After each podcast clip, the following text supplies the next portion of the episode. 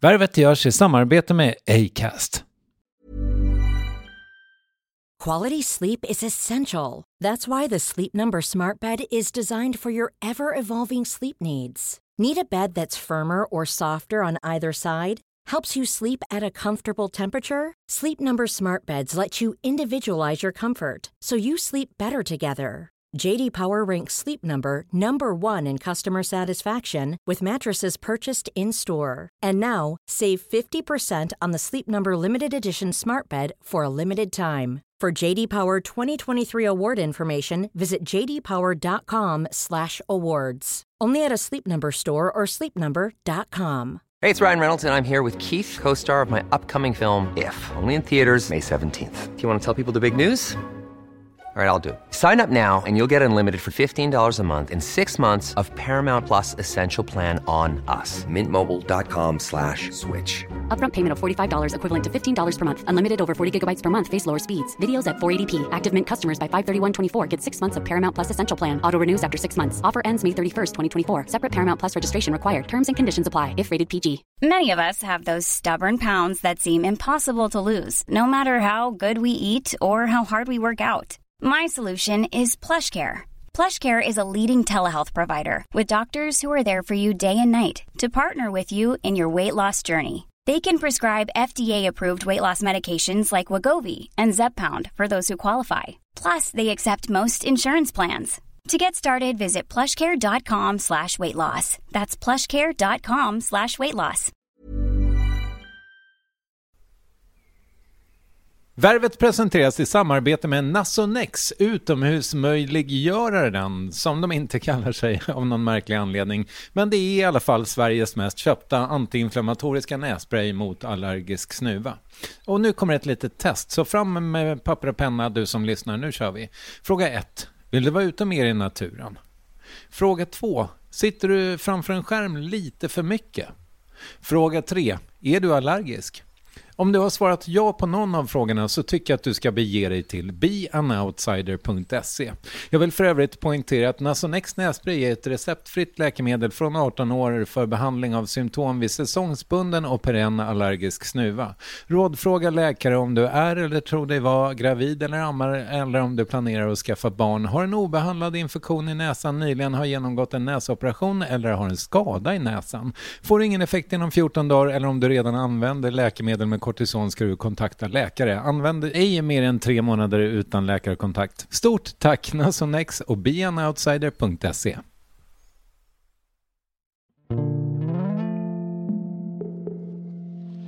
Det är inte lätt alltså. Hur tufft det kan vara ibland så här, psykiskt.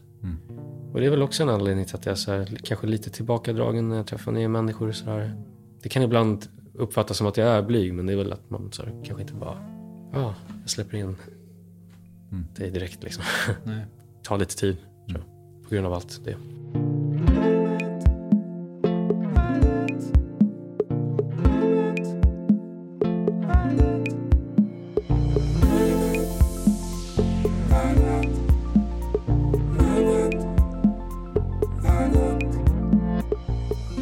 Millennium var bara något år gammalt när en tämligen försiktig 14-åring skulle hitta sin riktning en dag på Sergels torg när någon tokfrans smält upp en karaokescen där. Ett par år senare blev den där unge mannen Darin med hela svenska folket på bästa sändningstid.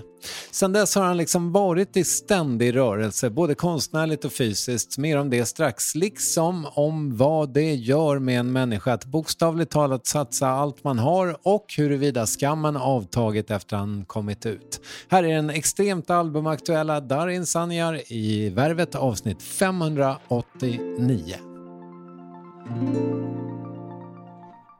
Men vi ska in i, lite i din... Ehm, för jag har fått bilden av att du ändå jobbar ganska mycket med dig själv. Ehm, och det tänker jag att vi ska komma till. Men, men eh, om vi ger en liten lägesbeskrivning först. Var, var befinner du dig i livet? Jag... Alltså grejen är att jag skulle lätt kunna känna mig lost just nu. Men jag känner snarare tvärtom. Alltså för att jag vet inte riktigt vart typ... Jag har, jag har inte vetat riktigt var, vart jag bor någonstans i år. För att jag har bara en, eller bara, jag har en lägenhet. Och den är i Spanien Men jag har varit i Stockholm äh, mest. Äh, och så har jag varit lite på andra ställen på grund av jobb. Andra länder. Så att, uh, jag har varit lite, ja. Men någon som frågar mig vart jag, vart jag bor någonstans mm. häromdagen. Då jag sa, jag vet faktiskt inte, men typ Stockholm i år. Mm. Ja. Vart kommer posten? Spanien. Mm. Ja. Eller nej, nej, den kommer till Sverige faktiskt. Okej. Okay. okay. Ja, till ja. syrran. Ja, jag fattar. Mm. Vad va är det med det där? Att du liksom har levt i en resväska och på något sätt, jag menar, du gör det ju fortfarande uppenbarligen. Så någonting har du ju för dig.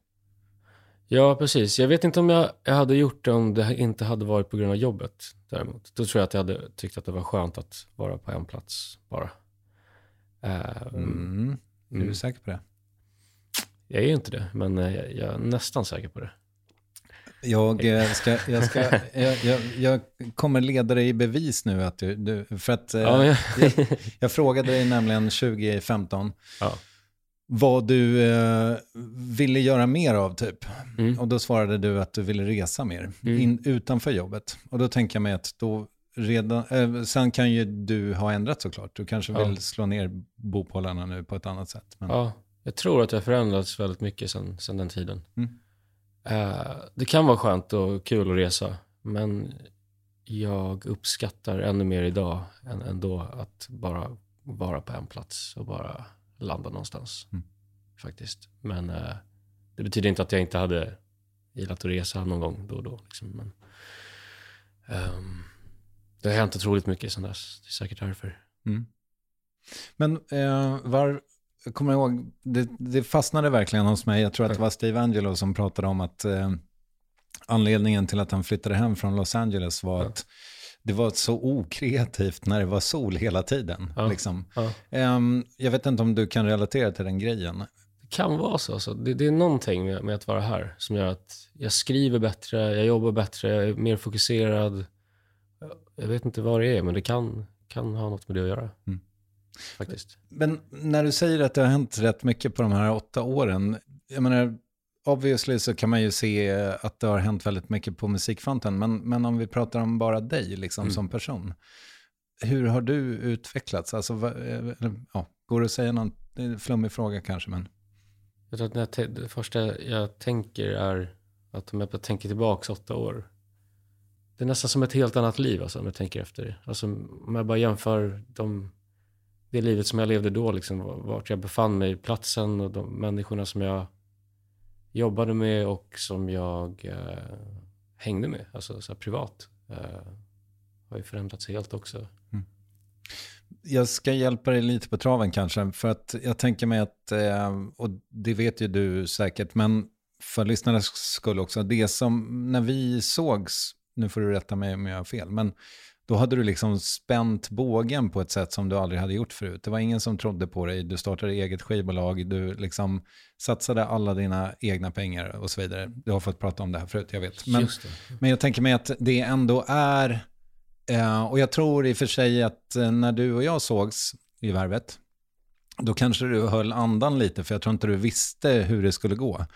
Um, och sen så med facit på hand så var det ju ett toppendrag från din sida. Jag tänker mig att om jag hade gjort något liknande, vilket jag kanske har gjort någon gång, eh, så skulle jag nog känna mig betydligt starkare efter att liksom jag, ni hade fel, jag hade rätt. Nu kör vi. Ja, ja. Eller vad man ska säga. Ja. Men, eh, så det där, jag tänker mig att det måste ha varit en ganska viktig tid för dig då. Det var absolut en, en, en viktig tid i mitt liv. Nu minns jag när du säger det, vilk, precis vilken tid det var. Mm. Hela det här svenska projektet som jag startade och eh, som både jag och mitt team trodde på. Men, men när vi presenterade det så fick vi ingen bra feedback. Och, eh, på den här nya stilen och den platsen som jag befann mig i just artistiskt. Och, men eh, det var nog ett av de bästa valen, liksom, att ändå köra på och göra det helt själv och starta skivbolag och, och gå in med allt. Även fast det var typ, den största risken jag tagit någonsin. Mm. Och det, kan, det hade kunnat gå hur som helst. Liksom. Det hade lika gärna inte kunnat funka. Liksom. Men, men ja, jag, det kändes otroligt bra när jag gjorde det. Speciellt när någon som, nej men det här kommer, kommer inte funka. Så var, blev det något av det största jag gjort Mm. hittills i, i karriären. Liksom. Så, så det kändes såklart väldigt bra och jag, det gav ju en ett, ett, ett skönt liksom, självförtroende för musiken. Då sen när man skulle fortsätta och, och liksom, för man befinner sig alltid på olika platser musikaliskt och i, som person och det formar ju musiken liksom. Och för mig måste det ändå kännas naturligt att det här känns som jag just nu. Det, här, det är det som kommer ut när jag skriver. Det är den här stilen som känns mest naturlig. Och det kommer alltid ändras tror jag med mig. Men eh, det är viktigt att, att, att följa sin magkänsla har jag, har jag insett efter det. Jag hade en följdfråga egentligen på det här med att leva i kappsäck så att säga. Alltså att du eh, har varit så mycket i rörelse. För att, och nu säger du förvisso att du kanske skulle tycka att det var skönt att sakta ner lite, men Ja. jag funderar ändå på ifall det är så att du, alltså om du upptäcker andra sidor av dig själv när du studsar dig själv mot andra kulturer. Mm, Kanske märklig fråga, men jag eh, tar ett exempel. Ja. Jag är mycket mer flörtig, social och utåtriktad när jag är i Kalifornien där jag har varit mycket de senaste tio åren, Mm. än jag är hemma i Sverige. Ja.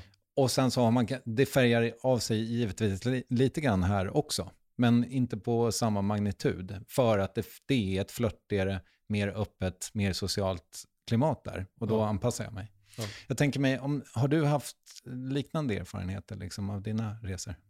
Absolut alltså. Det märker man ju. Äh. Och alla ställen är olika också. Och tar fram olika sidor av en på något sätt. Inte så extremt mycket, men lite grann. Och så när spenderar man mer och mer tid där så blir man ju mer och mer så som, alltså det som, ja. Så som den typ kulturen är, eller det, det drar fram, eh, ut ur den liksom. Ehm, och det, ja men det märker jag typ när jag är i Spanien till exempel. Att, att det blir kanske lite mer avslappnad och lite mer social. Mm. Så som de är. Och så när jag är här så blir jag väl mer så som man är här. Lite mer tillbakadragen och mind my own business. Hoodie på så att säga. ja men typ. Mm. Och eh, hur är Berlin där in då?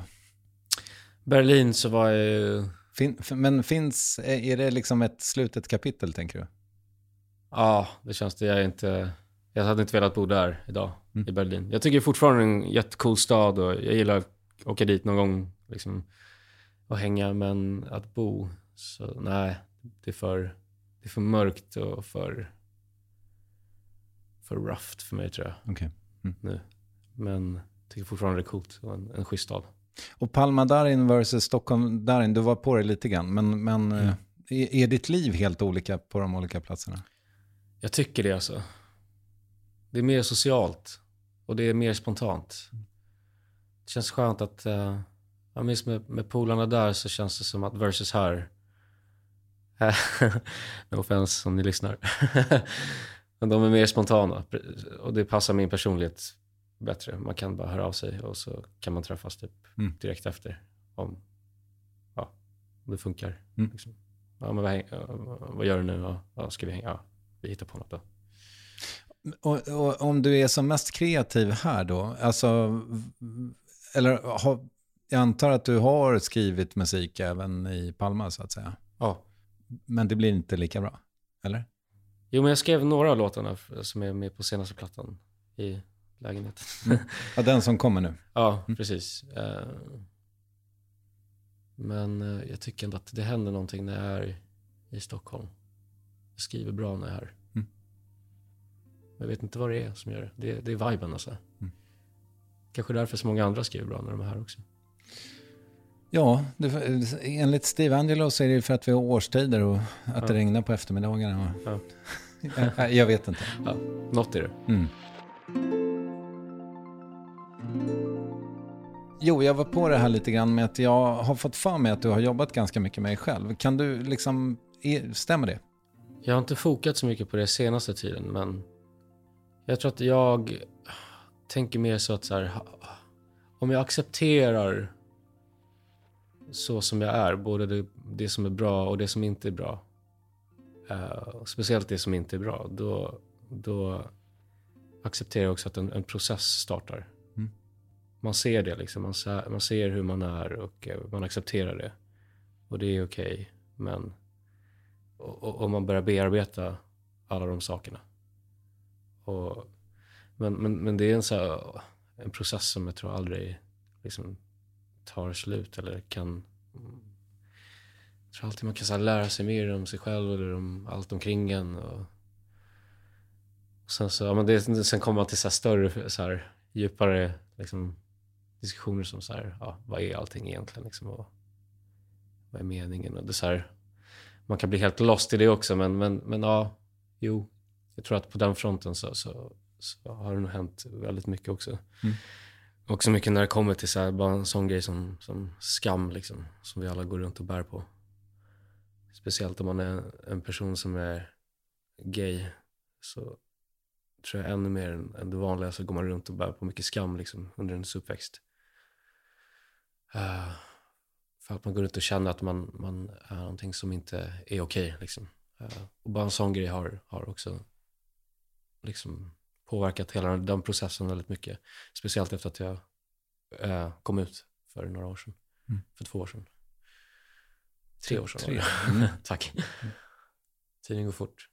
Um, också att man håller tillbaks på grund av att man inte ska vara på vissa sätt och eh, vissa saker är inte okej. Okay. Det här får man inte snacka om och det här får, så här får man inte vara. Man måste alltid vara stark. Man måste eh, man får inte visa liksom, sina svaga sidor utåt. Man får inte, ja. Mm.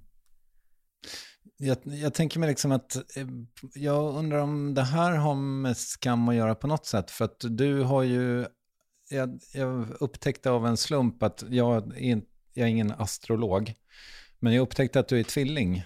Ja. Det visste du kanske. Det visste men, men, eh, och då tänkte jag så här, eh, utan att på något sätt veta ett piss om astrologi, så tänkte jag ändå att men vad intressant, för om det är så att tvillingar ofta har liksom en dubbel natur på något sätt. Mm.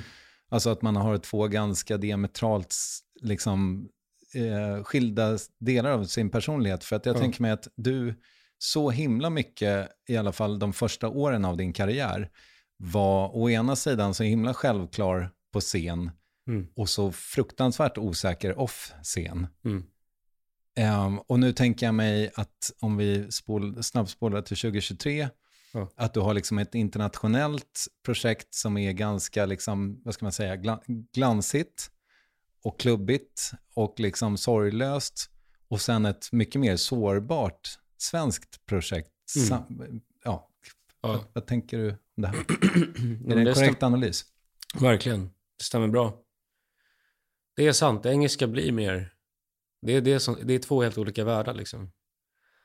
Det jag gillar med det svenska nu så avslutades det nya albumet äh, med någonting som påminner om det engelska. Okay. Uh, och det var lite nytt. Och det var den här låten Satellit. Mm.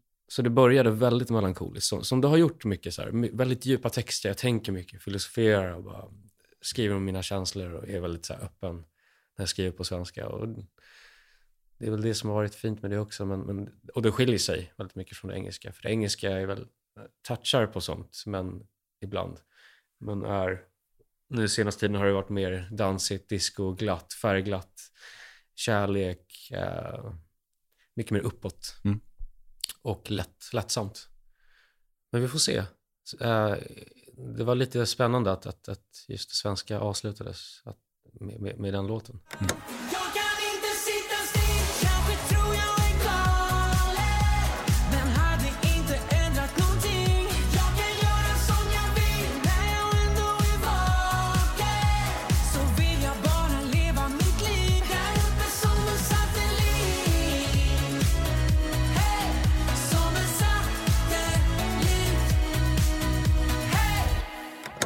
Men, men eh, om du har då den här dubbelnaturen på något sätt, alltså den, den blyga och den väldigt utåtriktade och den, liksom, den glansiga och den reflekterande. Liksom, tänker du att över tid att de där två ska växa ihop? Är det det du säger med satellit? De behöver absolut inte göra det. Jag tyckte bara att det var intressant för att det blev något nytt. Mm. Det var som att det engelska liksom som att det blev en blandning av de två världarna. Liksom att den viben som typ bara hade varit där nu för första gången. Men, men jag gillar också dem. Jag gillar, jag gillar både och. Alltså. Och det som du säger alltså, om stjärntecken och astrologi, liksom, så stämmer ju mitt stjärntecken in på mig väldigt bra. Mm. Uh, för att jag har verkligen båda de sidorna och båda de två sidorna är lika mycket jag. Mm. Um, men det där kommer alltid ändras. Alltså. Det engelska kommer säkert ändras och, och det svenska. Och, uh, en, ja, under en tid kanske det blir samma stil. Alltså. Och på svenska har jag ju liksom ändrat stil också några gånger. Men te textmässigt kanske har det alltid varit djup liksom, och ganska djupa texter. Men just stilmässigt så får vi se vart jag är om, om fem år. Mm. Eller om åtta år när vi ses igen. Men ehm, jag tänker mig att du fortfarande känns ganska eftertänksam och inte, alltså nu när vi sitter här, det är in, liksom inte, jag vet inte vem jag ska jämföra med, men det är inte Sean Banan on stage. Uh, jättemärkligt att jag tog upp, ja, men, eh, ingen här är väl Sean Banan on stage förvisso, men, men jag tänker mig också att alltså, det kanske är vettigt på något sätt att man får ha både och. Ja, om det känns naturligt så definitivt. Alltså. Men den blyga, den blyga sidan av dig, finns den, är, det, är den kvar? Blyg vet jag inte, men jag kan vara lite tillbakadragen när jag träffar nya människor Mm. fortfarande. Ja. Och det kan uppfattas som blyg, tror jag. Um, kanske lite så försiktig och... Så det, det, ja, jag har den sidan, men det är samtidigt inte så någon som känner mig bra hade beskrivit mig. För den finns inte då. Ah, Okej. Mm. När jag känner mig bekväm med någon och jag kan lita på någon så ja, kommer den ja, riktiga jag, om det nu är en riktiga, för att alla är väl riktiga liksom. Men, men Jag antar att du också har um, erfarit det här um, när folk kommer in i ett rum uh, och energin påverkas. Mitt ständiga exempel är när jag satt på en uh, restaurang i New York 2001 kanske och uh, Zlatan kommer in. ja, Ingen vet ju vem Zlatan är nej. i New York 2001. Nej. Men hela rummet påverkas på något sätt. Ja. Är det du när du är, är liksom i din, när du känner dig 100% trygg? Ja, när, när jag känner mig, när jag, är väldigt, när, när jag mår bra Mm. och eh, när jag bara känner att jag bara är mig själv och jag mår bra så, så känns det som att jag får en, en, en ännu starkare energi, om man ska kalla det för det, liksom, som drar till sig mycket mer än, än annars, Mm. än vad den annars drar till sig. Ja. Vad behöver du för att må bra då? Jag behöver känna mig eh, bekväm och glad. Mm. Uppåt. Eh, typ som att stå på scen. Mm. Där får jag oftast den energin. Mm. Och vad, behöver, vad, vad, vad, vad tar ner dig? Jag tror jag själv Okej. är, är, är det som drar ner mig mest. När jag sätter för mycket press på mig själv. Och när jag tänker negativt. När jag inte behöver göra det. Kan du ge något konkret exempel?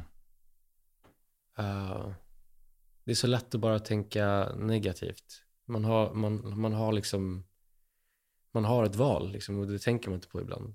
Ibland när nå- någonting blir lite jobbigt och det inte går som man, som man vill eller tar längre tid eller att det blir svårt liksom. Och istället tänka på att, ja, vad finns det för lösningar liksom? Så, så ibland kan vi bara falla på att, åh, vad jobbigt det är och men nej, det här orkar jag inte med och det här vill jag inte. Mm. Och det måste man också få känna lite ibland såklart. Alltså man kan inte alltid vara på topp och så här. Men, men, men det behöver inte vara lika jobbigt om man bara, det finns andra mindsets. Liksom. Ja, men det där är inte det kanske det svåraste. Jag har försökt eh, prata med mina barn om det, men sen inser jag så här att jag själv är så jävla dålig på det. Men jag kommer ihåg att min, min, eh, min son hade en eh, period, jag hoppas att han tycker att det är okej, eh, när han var typ sju, när han var väldigt moody. Och jag, Mm. jag ser eft, i efterhand så här, okej, det hände väldigt mycket i hans liv. Skilsmässa och så vidare.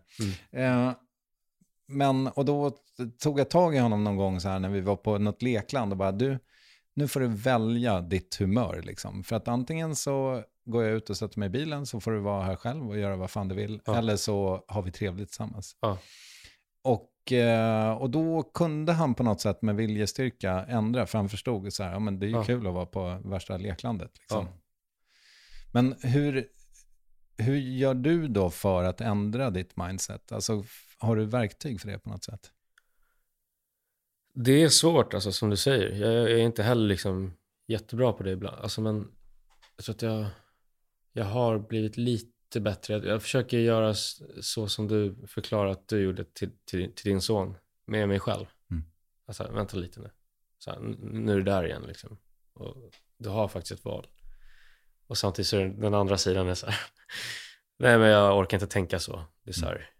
Jag mår ju piss, Ja, låt mig vara. Men det här är skitjobbigt. Mm. Och, eh, men det är bara att försöka. Ibland funkar det, ibland funkar det inte. Mm. Ja. Jag försöker bara typ, prata med mig själv lite och bara Mm. försöka få mig själv att inse att vänta, du kan se det på ett annat sätt också. Och bara, ja. Det är som att, att man är i det liksom. Och istället för att vara i det, bara se det från ett annat perspektiv, ovanifrån eller ja. Mm. Bara tänka på det lite mer så. Sen är det väl så, eller så här, jag tänk, om vi nu är lite lika, behöver du flera grejer på gång samtidigt för att må bra också? Nej. Okej. Jag, jag, jag är väldigt... Där kommer den här tvillingen fram igen. Eh, både och alltså.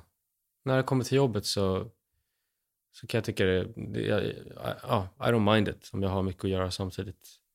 Eh, så länge jag hinner göra allting och, och det inte blir super, super stressigt såklart. Men sen när jag är ledig så jag, jag älskar att inte göra någonting. Hur många dagar i rad har du haft det så som mest de senaste fem åren? Ehm, en till två veckor max. Liksom. Mm. Så har jag kunnat, och då har jag jobbat mycket innan så då har jag varit ganska trött också. Så det känns det ganska naturligt att inte göra så mycket heller. Mm. Och bara återhämta sig och bara ligga i soffan. Och, men jag försöker samtidigt träna lite grann i alla fall. För, liksom, det hjälper mig att få energi så länge jag inte tränar för hårt. Så F, liksom när du har en sån period i slutet av de två veckorna, börjar det krypa i det då eller? Ja, efter ett tag, efter typ två, tre veckor, tre veckor kanske, då känner jag mig lite så här, men jag är inte produktiv. Jag är inte så här, jag gör ju ingenting och liksom, och då känner man att man typ nästan bli lite så här värdelös på något sätt. Att, att så här, just det här jobbmässigt, att så här, vad gör jag med mitt liv och så här.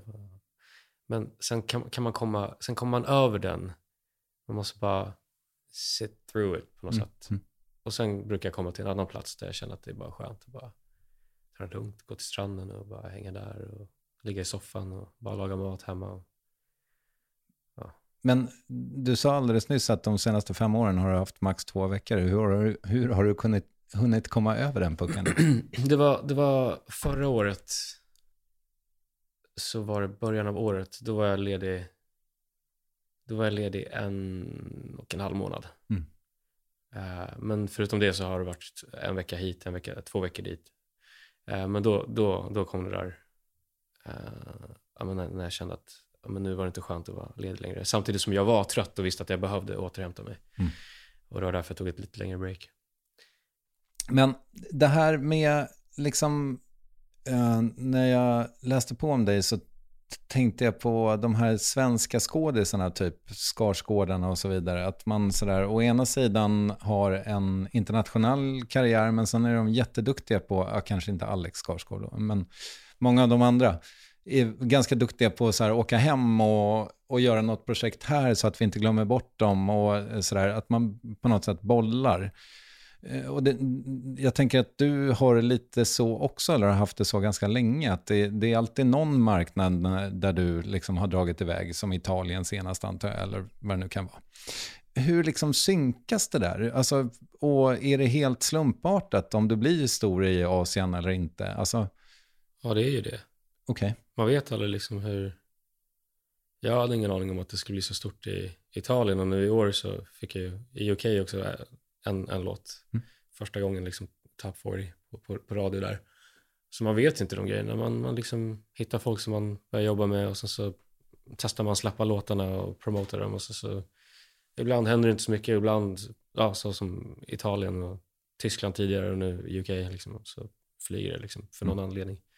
Jag vet inte vad det är, jag tror att det är tajmingen oftast Mm. som gör det. Men eh, det här med, med, med att jag ändå kör parallellt med Sverige så det kommer ju alltid vara mest speciellt här.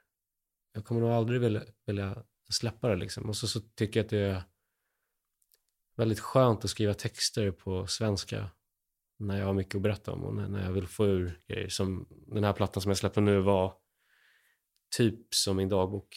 När jag började skriva den så skrev jag faktiskt dagbok samtidigt för att det hade hänt otroligt mycket då och jag var bara tvungen att få ur mig det här och det var ett bra sätt att, att bearbeta allt som, som jag behövde bearbeta. Och då tog jag texter från det och skrev låtar som också var en bra, bra terapi. Mm. Uh, så på så sätt så, så behöver jag nog det samtidigt. Det här, ja, det, ja, det svenska. Mm. Och jag tycker att det, det är kul samtidigt. ge ut. Så ja, oavsett hur det går liksom, i de engelska marknaderna så tycker jag att det, det är väldigt eh, viktigt för mig att, att få göra det här också. Mm. Eh, så jag bestämde mig för att i år faktiskt att, att foka på, på det svenska. Också för att jag ville ha nya låtar till min svenska turné, arenaturnén som jag åker ut på nu i höst. Mm. För det var ett tag sedan jag släppte en platta. Det var 2017. Det var den här Tvillingen, hette den faktiskt. Mm. ja. Vi får se, jag försöker bara kombinera båda. Eh, och det blir spontana beslut ibland. Som, som att jag, ja, nej men nu fokar vi bara på Sverige för att det blir för mycket att köra båda samtidigt. Men jag tänker att jag fortsätter med det internationella nästa år istället.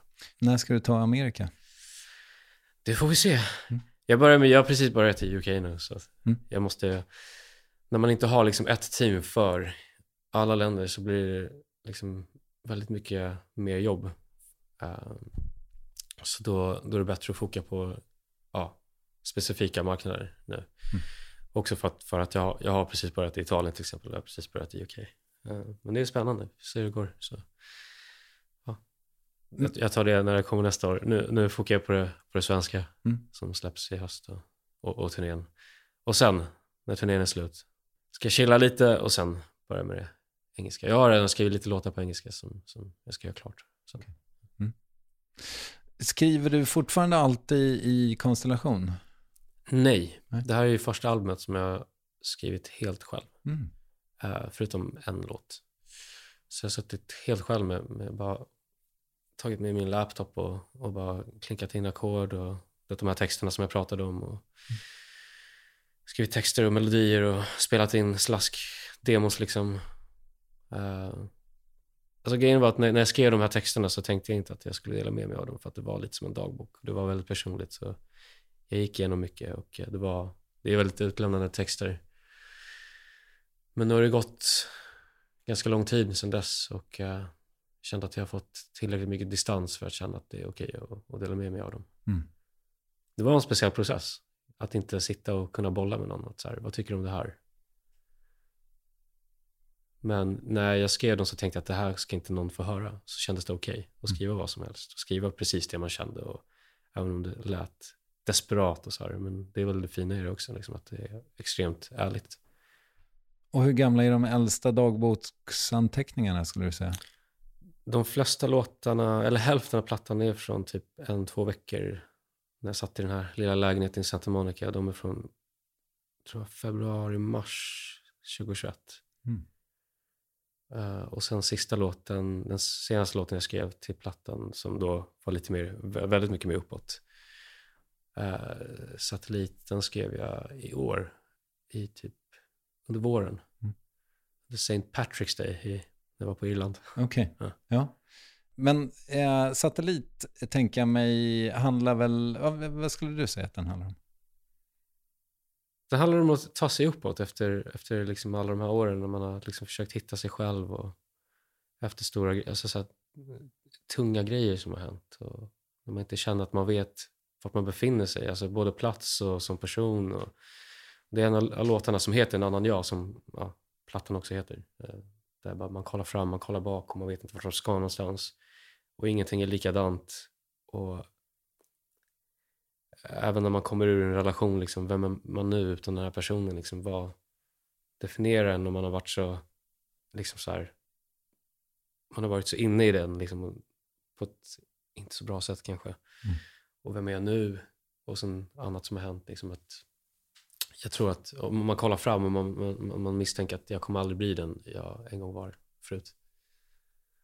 Uh. Den handlar väl om någon slags frihetstörst också va? Nej. Den, den handlar om, ja. Jag minns att en del av texten skrev jag när jag var på de här klipporna också. Det kändes som att man stod så här on top of the world. Det bara kändes så mäktigt. Och eh, lite så kändes det också när man tog sig ur allt det där. Eh, men det förstärkte det ännu mer, att, att vara på en sån plats.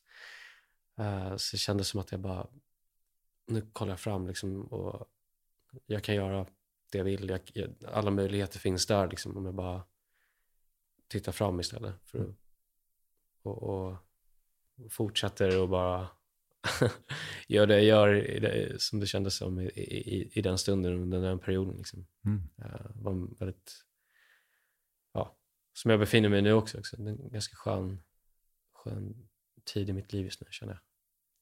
Om, handlar den, nu kanske det är skohorn här, men handlar den lite då om att ändra sitt mindset? Inte, nej, kanske inte ändra sitt mindset, men, men att, att, att den fick mig insatt så att, jag, att jag insett att det, det blir bättre faktiskt. Mm. Att man bara håller ut när man är med om, om tunga grejer. Mm. Att det, det, blir bättre, man kan ta sig upp, man kan må bra igen. Man kan se fram emot saker och uh, landa i sig själv igen. Mm. Har du haft destruktiva relationer mycket? Nej, inte destruktiva. Nej. Okej. Okay. Men, men kanske relationer, relationer som inte har varit rätt. Mm. Man kan fortfarande älska någon även fast man inte är rätt för varandra och vet att det är bättre att inte vara tillsammans. Mm. Fint. Ja. Mm.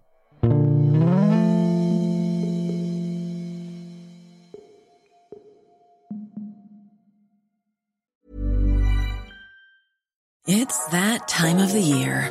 Your vacation is coming up. You can already hear the beach waves, feel the warm breeze, relax, and think about work. You really, really want it all to work out while you're away. Monday.com gives you and the team that peace of mind. When all work is on one platform and everyone's in sync, things just flow wherever you are. Tap the banner to go to Monday.com. There's never been a faster or easier way to start your weight loss journey than with PlushCare. PlushCare accepts most insurance plans and gives you online access to board-certified physicians who can prescribe FDA-approved weight loss medications like Wigovi and Zepbound for those who qualify. Take charge of your health and speak with a board-certified physician about a weight loss plan that's right for you. Get started today at plushcare.com slash weight loss. That's plushcare.com slash weight loss plushcare.com slash weight loss. There's never been a faster or easier way to start your weight loss journey than with PlushCare. PlushCare accepts most insurance plans and gives you online access to board-certified physicians who can prescribe FDA-approved weight loss medications like Wigovi and Zepbound for those who qualify. Take charge of your health and speak with a board-certified physician about a weight loss plan that's right for you. Get started today at plushcare.com slash weight loss. That's plushcare.com slash weight loss. Plushcare.com slash weight loss. Yes, ny sponsor. Värvet presenteras i samarbete med Svea Bank. Och jag menar inte att ta ner stämningen, men dessvärre är ju lågkonjunkturen här, vilket innebär att de flesta branscher har det tufft och också väldigt många privatpersoner. Jag vet själv vad det är att ha en trasslig privatekonomi. Det var struligt i många år för mig och låg ofta post i hallen med trista logotyper i ena hörnet och jag hade också i flera års tid ett helt gäng betalningsanmärkningar. Och tyvärr är det nog många som har det svårt att få ihop till räkningarna just nu, som har hamnat i ekonomiskt trubbel. Och det är här Svea Bank kan kliva in med något som kallas skuldfinansiering. Där löser de skulder hos inkasso och till Kronofogden och till och med om Kronofogden vill sälja ditt boende har Svea Bank möjlighet att hjälpa till. I den här tjänsten får du en personlig handläggare som gör en grundlig genomgång av din ekonomiska situation. De tar kontakt med dina kreditgivare och när ett lån beviljats löser de dina skulder åt dig och samla dem i ett enda lån med en avbetalningsplan som din ekonomi klarar av. För om du har hamnat i klister, du är inte ensam och kanske kan det här hjälpa dig. På svea.com skuldfinans kan du läsa mer. Tack Sveabank! Om vi går tillbaka lite till din process då, så du har suttit på kammaren, gjort dina demos. Um, vad hände med dem sen? Sen när jag bestämde mig för att eh, göra en hel, ett helt album eh, av de här låtarna så kom jag tillbaka hit till Stockholm och satte mig med tre producenter.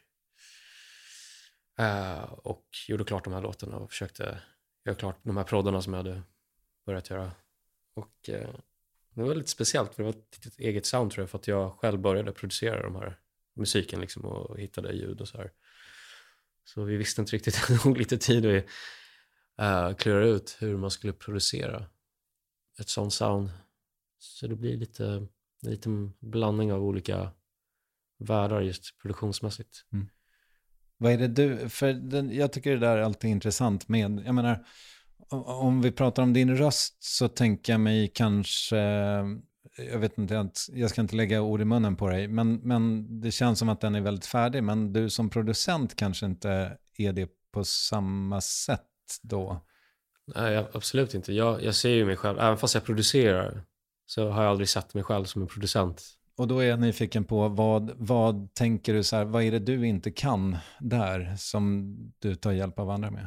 Det jag inte är bra på produktionsmässigt, det, det är att få det hela att liksom falla på plats. Så att det känns som en, att det bara är bekvämt att lyssna på. En, det, annars så, så, hör man liksom att det låter inte färdigt. Mm. Det är någonting som fattas. Det faller inte ihop. Det, det studsar inte bra någon gång. Liksom så här, och, och, och, det behövs andra ljud, men jag vet inte exakt vilka ljud. Uh, men det däremot är jag bra på att hitta liksom, energin i produktionerna. Mm. Så man vet vart den ska. Man hör typ hur det ska låta när det är klart. Uh, och ibland, och just så syntslingor och sånt där, då hittar jag coola sounds oftast. Uh, så syntar och uh, melodier i liksom, musiken. Om det är någon slinga som, ja. För, för melodier är inte bara liksom, till texterna, melodierna är även liksom, i musiken som en, ja, ett just. intro eller det gitarren ska spela och sådana där grejer. Så. Vi var, vi, vi, var på lite det här med din röst. Vad, vad, hur, hur mår den? Min röst mår okej. Okay. Det hände något med mina stämband för typ två veckor sedan. Men det börjar bli bättre nu. Så jag tror att jag är helt recovered om några dagar. Okej. Okay. Men är den, eh, är, om vi pratar om liksom vad du har för brister då eventuellt som producent för en stund sedan, vad, vad, vad, kan du inte, finns det saker som du inte kan göra med din röst? Jag har aldrig tänkt på det, så säkert nej. Jag känner att just på det sättet, jag har, en väldigt bred röst och kan, jag, kan, jag kan anpassa den till olika så, stilar, och, tror jag. Mm. jag. jag. kan få, jag, jag insåg det när jag gjorde den här What's the point till exempel. För att det var så här, jag vill sjunga på det där. Den här låten hade varit så cool om man gjorde den. Det var ja, en låt som jag gjorde Så mycket bättre. Det var John Ossis låt som jag gjorde om. Mm. Så det första jag tänkte att jag ville göra en lite så Freddie Mercury, Queen-style och bara köra en a cappella i början. Nästan, bara nästan skrika ut refrängen. Mm. Och då, då var det skönt att bara, ja men det här, så här har jag typ nästan aldrig sjungit förut, men, men det gick att göra det. Mm. Uh, så det var nice.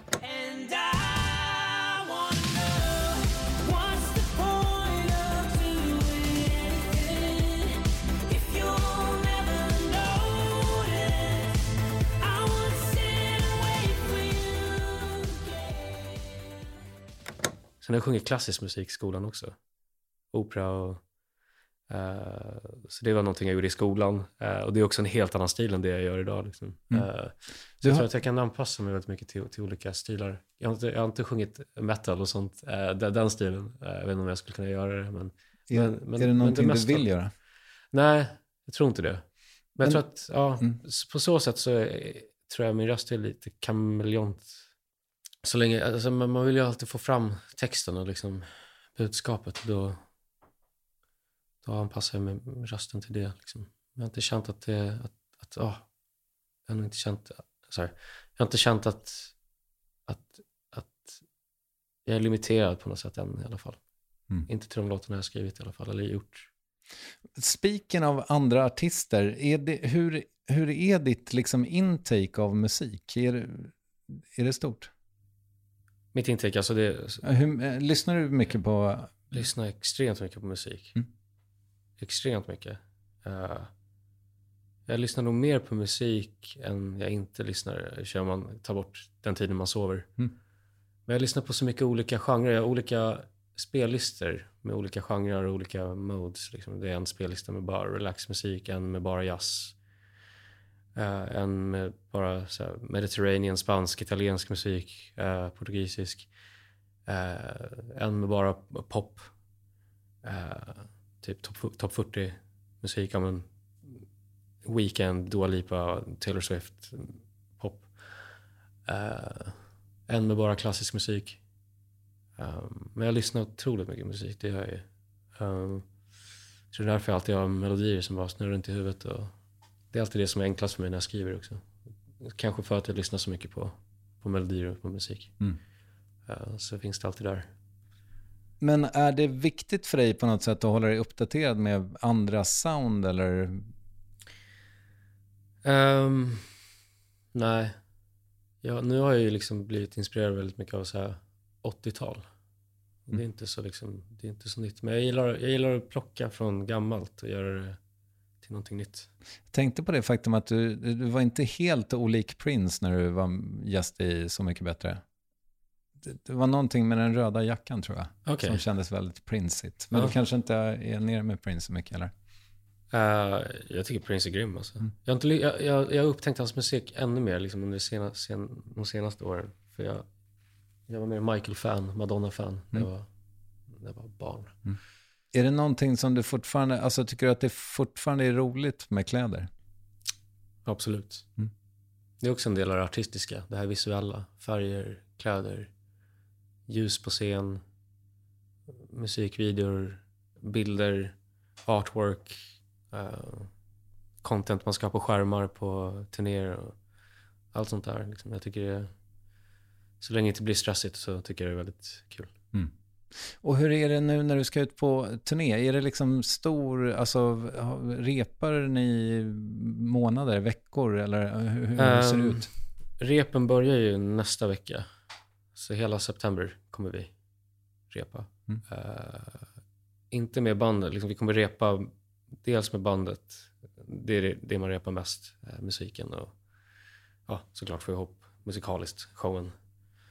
Eh, och få en struktur där. Och sen så är ju eh, allt som vi snackade om, som jag snackade om precis innan, eh, content på skärmar och sen är det ljuset, man ska sitta med det och planera det och eh, kläder är en grej och sen så eh, dans och positioner vart man ska stå så att det kan synka med ljuset. Och, och sen speech, vad man ska säga, vart man ska säga det. Och, ja. och så får du allt bara liksom falla på plats och så att det känns som en naturlig liksom, som ett naturligt flow också. Står du i någon stor jävla liksom, lagerlokal då och låtsas att det finns en publik där? Det gör man i slutet. Okej. Eh, när man bygger upp eh, mycket av scenen. Mm. Eh, men i början så är det bara, så repar man bara med bandet i en, lo- en ja, inte en stor hangar, men i och för sig, vi ska, vi ska repa på, jo det kanske blir den här gången i och för sig. Det blir inte en liten replokal, utan det blir en lite större. Men jag tror inte vi kommer bygga scenen nu i början. Mm. Utan det är bara de två sista repen tror jag, två, tre. Har du koreograf? Yes, det kommer jag ha nu för att jag kommer ha dansare med mig på scen också. Men jag kommer inte köra jättemycket koreografi. För jag gillar att vara fri. Liksom. Annars känner jag mig så instängd. Men det är skönt att ha vissa delar där man liksom synkar med, med dansarna och kör något någon cool dans liksom. Och hur är det här, är det liksom, den, den här delen förstår man ju inte så jättemycket som vanlig konsument, men om du fläskar på, vilket det ju låter som du, du gör med projektioner och liksom dansare och hela faderullan. Mm. Är det du som tar den ekonomiska risken? Yes. Okej. Ja, eller det är jag som... Det, det, det, det tas ju från min, liksom, min del. Ja. Som jag får. Mm. Ja, det gör det ju. Så liksom att åka runt med backtrack och, eh, och, och en gitarr så att säga hade varit betydligt billigare. Absolut. Mm. Det hade det ju varit.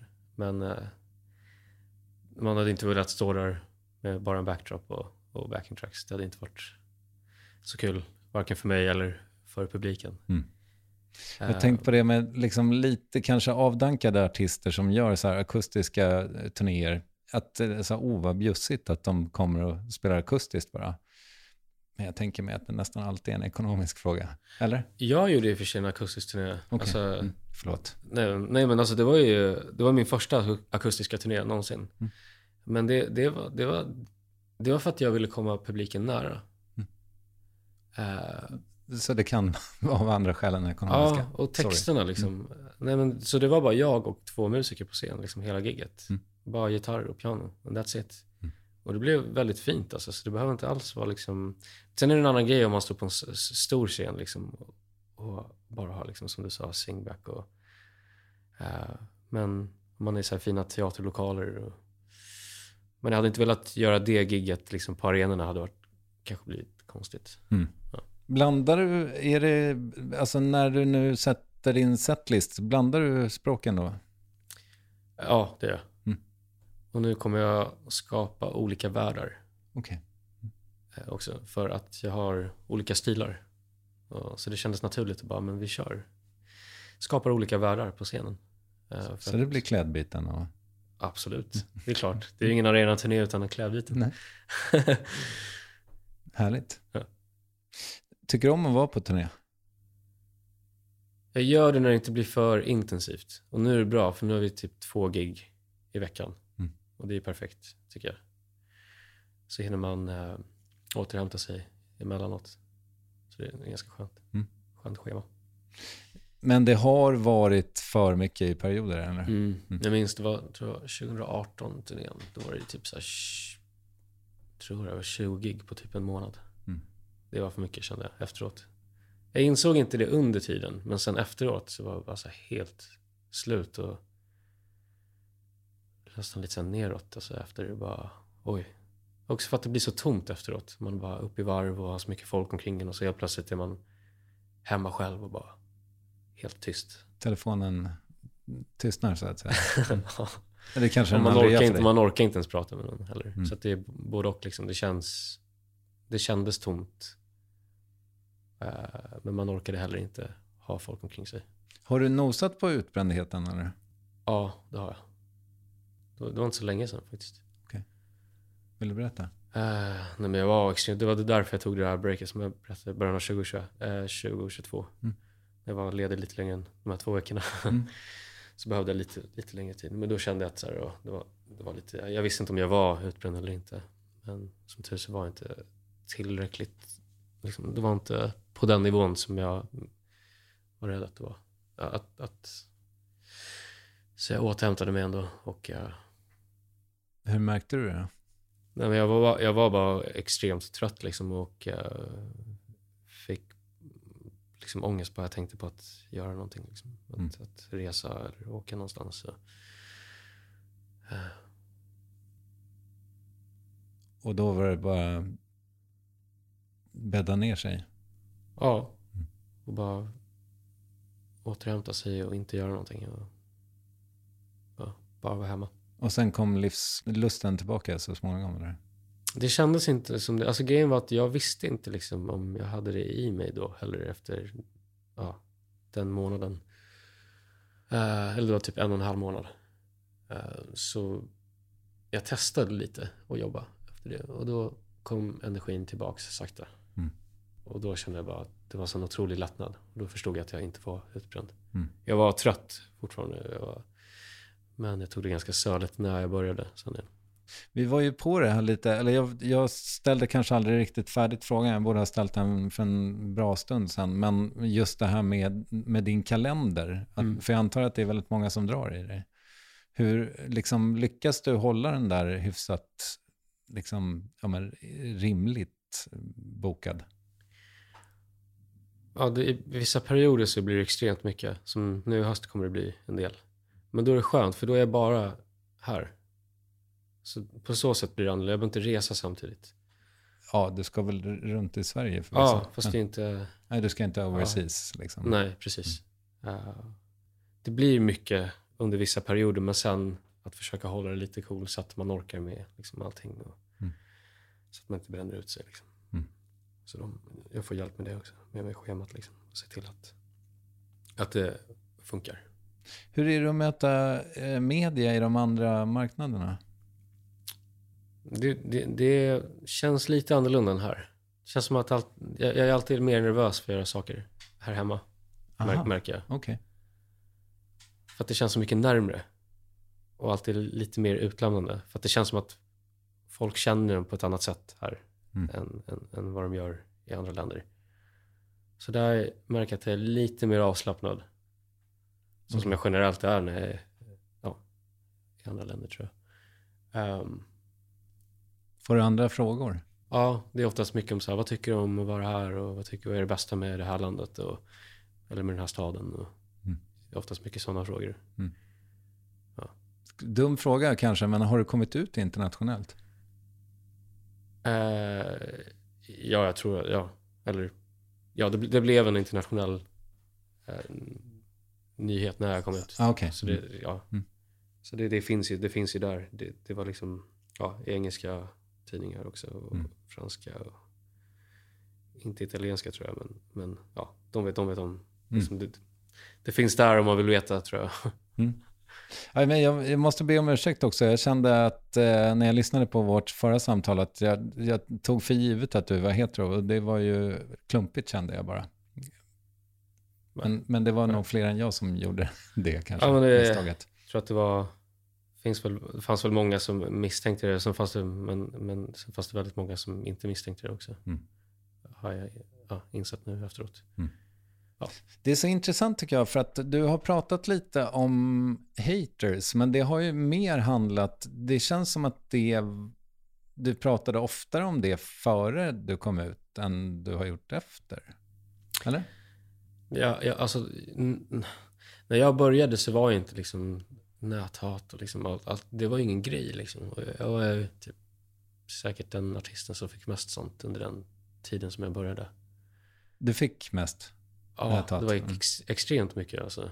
Ehm, så jag tycker det är skönt liksom, för fo- folk som börjar idag. Att det, det, är en annan, det är ett annat klimat, det, det är en annan värld vi lever i idag. Liksom. Det är inte okej att skriva vad som helst om en, en person liksom, eh, i tidningar eller magasin. Och, och, eh, och eh, att det faktiskt är en grej som man kan prata om, ett, ett, ett ämne som, som, ja, som finns. Men är du förskonad från det nu?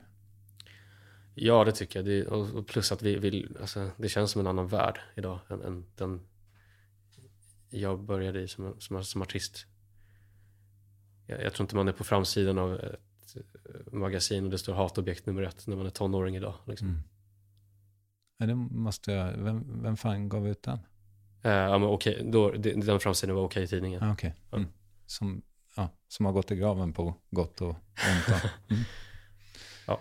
Ja. Bara ett exempel. Men ehm, så, det, så på så sätt är det skönt. Och speciellt för, ja, jag tänker på liksom unga som börjar idag. Liksom, att Mm. de inte behöver, ja, att man kan prata om det, om det händer. Mm. Ehm, Du känns ju som en så himla känslig själ. Det må, alltså, jag, jag förstår att du ofta får frågor om hur och genombrottet och bla bla bla. Men, Mm. men ser du det som en jobbig tid? Liksom? eh, de första åren. Mm. Alltså både och. Det var fantastiskt på så många sätt. Eh, för att det var alltid varit som stor, alltså som dröm liksom att få jobba med det här. Liksom. Jag har alltid älskat musiken så mycket. Så det var väldigt, väldigt så här, det var både och samtidigt och sen så var jag bara inte förberedd på att folk som inte ens känner en kan börja tycka så illa om en. Liksom, och, jag först- och, och för att man då inte vet liksom, man tänker att ja, när man är tonåring, det är redan liksom ganska tufft att vara tonåring och liksom gå igenom det man normalt och så allt det där på det. Och inte förstå varför, att tänka att ja, men det, det är mig det är fel på och inte förstå att de här, det, det, det är faktiskt de här personernas, det är deras problem liksom, att de inte tycker om mig liksom. Det, det, har inte, det är inte mitt fel. Nej. Att man inte förstår, sånt för, förstod inte jag Mm. då. Så det är klart att det, det var ju kanske tuffare än vad folk minns eller tror att det var. Liksom. Samtidigt som det var väldigt mycket häftigt som hände och jag fick jobba med otroligt häftiga människor och göra det jag älskar mest. Och på en nivå som jag kanske aldrig trodde att jag skulle få göra. Mm. Du är ju också något så ovanligt, eller ja, jag vet inte. Du, du, juryn, du kanske har känt att du har varit på hal is, men jag menar, du har ju ändå, känns det som utifrån sett, hållit i, alltså du har ju inte mått dunderpiss. Många barnstjärnor inom citationstecken Mm. går ju bort sig Ja. ganska rejält liksom. Fast vet du, jag, jag förstår dem samtidigt. Vi, har, vi har och för sig inte paparazzi i Sverige och sånt som så här, de har i många andra länder liksom och det blir säkert ännu mer ja, jobbigt. Men eh, jag, jag förstår dem för att det är inte, det är inte lätt alltså. Nej. Det är det inte. Jag tror inte man förstår det om man inte själv är med om det. Alltså hur, hur, tufft det kan vara ibland så här, psykiskt. Mm. Eh, med ett sånt, sånt jobb och sån, och allt omkring och försöka växa upp i, i, det. Liksom. Um, så jag, jag kan förstå dem faktiskt. Men eh, jag är glad att jag ändå haft att man inte hamnat i något sånt liksom. Eller, men eh, du, det har inte blivit någon Macaulay Culkin av det så att säga. nej, men jag har kanske inte heller visat allt heller. Nej. Och vi har ju inte haft liksom, paparazzi så liksom, folk har inte haft tillgång till liksom, mig 24-7 heller. Mm. Under min uppväxt. Även om de försökte, känns det som. Mm. Ja, och det är väl också en anledning till att jag är så här, kanske lite tillbakadragen när jag träffar nya människor. Så här. Det, kan, liksom så här, det kan ibland uppfattas som att jag är blyg, men det är väl att man så här, kanske inte bara... Ja, jag släpper in Mm. dig direkt. Liksom. Nej. Ta lite tid, jag, på grund av allt det. Fick du hjälp?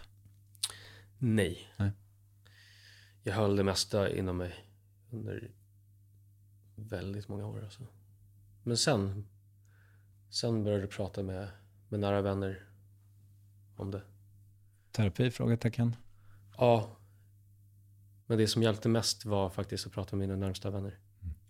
Det var den bästa terapin faktiskt. Att bara få prata om det. Liksom. Få acceptera det och få säga så här var det. Och det var grejer som jag inte ens... så här, Typ, det kändes så jobbigt, vissa av de här grejerna, liksom, att prata om. Så det var så här, och som jag sa, om man inte accepterar det, eh, som jag sa i början av intervjun, så, så kan man kanske inte bearbeta det. Att så här är det, så här har det varit. Mm. Eh, och det är okej. Det är bara så det var. Liksom, att låta den här processen och bearbetningen starta och prata om det. Och hur är det med skammen? Den, eh, det kändes som att det hände väldigt mycket med den efter att jag kom ut faktiskt. Det känns som att den processen bara... Liksom, det skalades bort mycket. Jag tror att man... All, jag kommer alltid ha liksom, lite grann av det i mig. Liksom, och det kommer, men, men, men jag märker att man kan bearbeta, bearbeta det liksom, och man kan jobba på det och man kan, man kan få bort mycket av det. Och mycket av det liksom, började efter att, efter att jag kom ut faktiskt. Sen är ju, jag menar, det, det är ju inte en slump tänker jag att skam är, alltså att vi, att man måste förhålla sig till sin skam så mycket. Jag menar, den, den har ju haft en väldigt stark funktion evolutionärt. Vi har liksom förstått att om, om vi är den enda som är lila i en flock av blå så kommer, Precis. vi, kommer de gissningsvis att äta upp mig. Eller, Precis, så det finns i oss naturligt. visst. Um, men vi behöver inte ha den idag. Nej. Det är det man bara får, får försöka intala sig själv. Mm. I alla fall där vi bor idag och lever. Sen på andra delar, i andra delar av världen så ser det lite annorlunda ut. Darin, vad, vad ser du fram emot? Jag ser fram emot den här hösten faktiskt. Um, jag ser fram emot att dela med mig av den här, det här albumet och de här låtarna och hela min resa som jag har varit med om under två år nu. Över två år. Som jag äntligen ska få dela med mig av och åka ut på den här turnén. Jag har inte åkt ut på en st stor turné sedan 2019 så jag ser fram emot att möta publiken och uh, bara få vara i den här showen och få entertaina det jag älskar mest. Mm. Hur har det sålt? Uh, jag, har inte, jag har inte kollat den, bra förhoppningsvis. Ja. Det hoppas jag. jag. jag. tror det också. Du, stort tack för att du kom. Ja, men tack. Lycka till med skiva och turné och livet i stort. Tack, detsamma.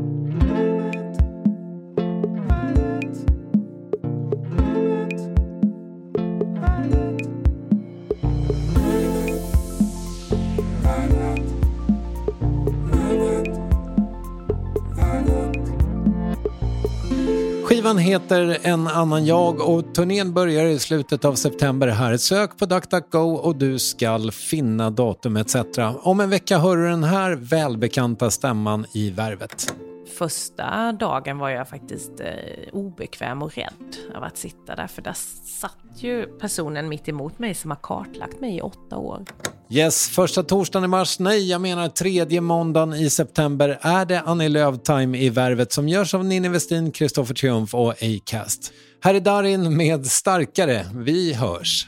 Ja, du kommer gro en dag men det kommer kanske ta ett litet tag och jag vet det kräver mod att våga Visa dig så skör, visa dig svag. Allt det svåra har ett slut. Tänk på allting som du redan klarat av.